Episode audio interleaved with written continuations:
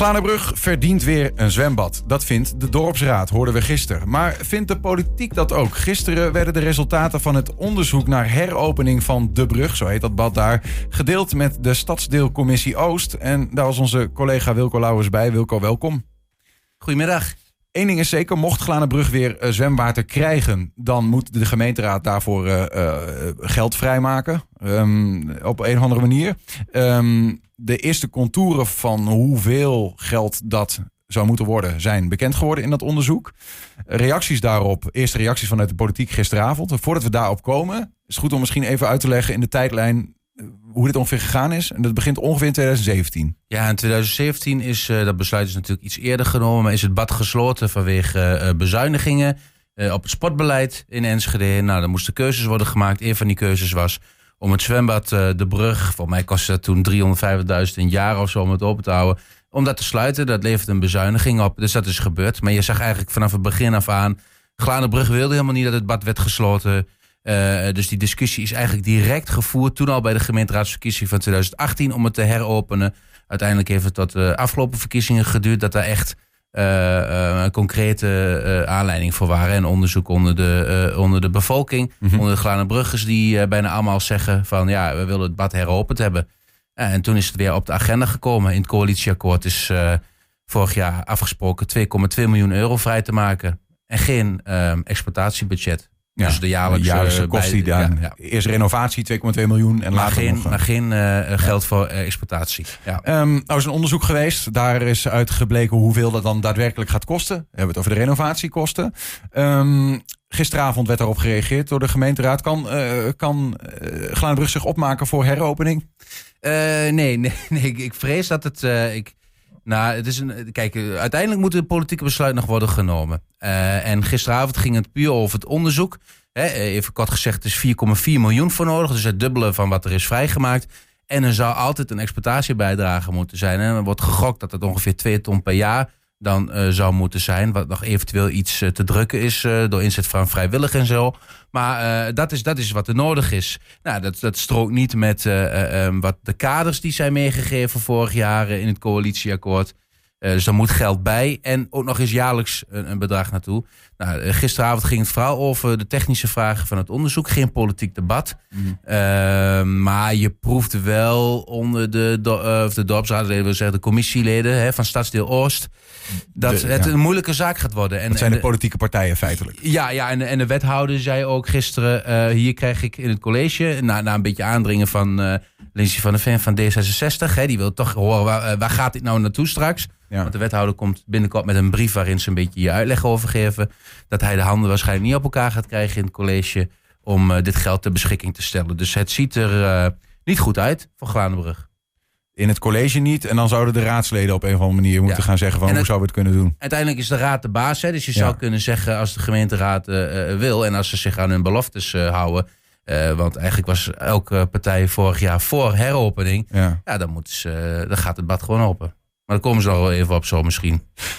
Nou ja, de, de, vraag is, is het, ja, is het haalbaar? Of is het eigenlijk altijd haalbaar? Ik bedoel, het is natuurlijk ook een kwestie van prioriteiten misschien wel. Ja. Uh, nou, er zijn gisteren wel vragen gesteld in hoeverre is het haalbaar? Is het onmogelijk? Ja, je proeft ook wel een beetje bij die commissieleden misschien hopen ze stiekem wel dat, dat er iemand zegt van nou, dit is niet te doen. He, we hebben wel dit onderzoek gedaan, maar eigenlijk moet je dit niet doen. Uh, nou, dan is het heel makkelijk. Dan kun je zeggen, ja, het, het, kan niet. Maar het kan wel. Ja, dat zeggen die onderzoekers ook. Het kan wel. Het heeft wel een prijs. De vraag is wel nog, kun je het op het stroomnetwerk aansluiten? Want uh, het elektriciteitsnet is zo beperkt dat dat nog een hele uitdaging wordt. Ja. Maar renoveren, dat kan. Dat kost uh, gewoon 4,5 miljoen ongeveer. Ja, dus het is mogelijk. Het is nog nooit eerder vertoond trouwens dat een bad na zoveel jaar weer open gaat. Zoveel jaar na sluiting. Dus, uh, maar ja, je moet ook in feite gewoon een nieuw, in, in, nieuw bad in, in, in, Nederland niet? Nee, nee tenminste die onderzoekers hebben het nog nergens gezien. Oké. Okay. Oké, okay, een unicum zou dat zijn. Ja, ja. Maar goed, wel, jij noemt het al even, een uh, verkiezingsbelofte die door bijna ja. alle partijen is gedaan. Ja, hebben zij beloofd, we geven 2,2 miljoen of hebben zij beloofd, Glanenbrug krijgt een zwembad? Want dan krijg je de deksel op je neus natuurlijk. Nou goed, ik vind sowieso, de, uh, uh, laat ik maar gewoon heel eerlijk zijn, dat de, dat de Glanenbrugse gemeenschap gewoon een worst is voorgehouden door de meeste politieke partijen.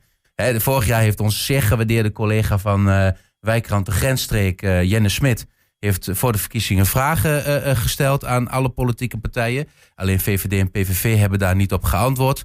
PVV is een zeer groot voorstander van heropening altijd geweest, zeg ik even bij.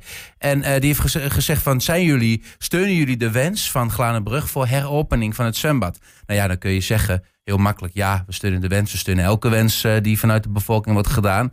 Maar of we er iets voorover hebben, dat is het tweede een beetje flauw, hè? Uh, als je de vraag zo letterlijk interpreteert. Eigenlijk is die vraag over: gaan jullie akkoord met een heropening? Nou ja, goed. Burgerbelangen. Ja, we doen wat verstandig en haalbaar is. Dat moet blijken uit onderzoek.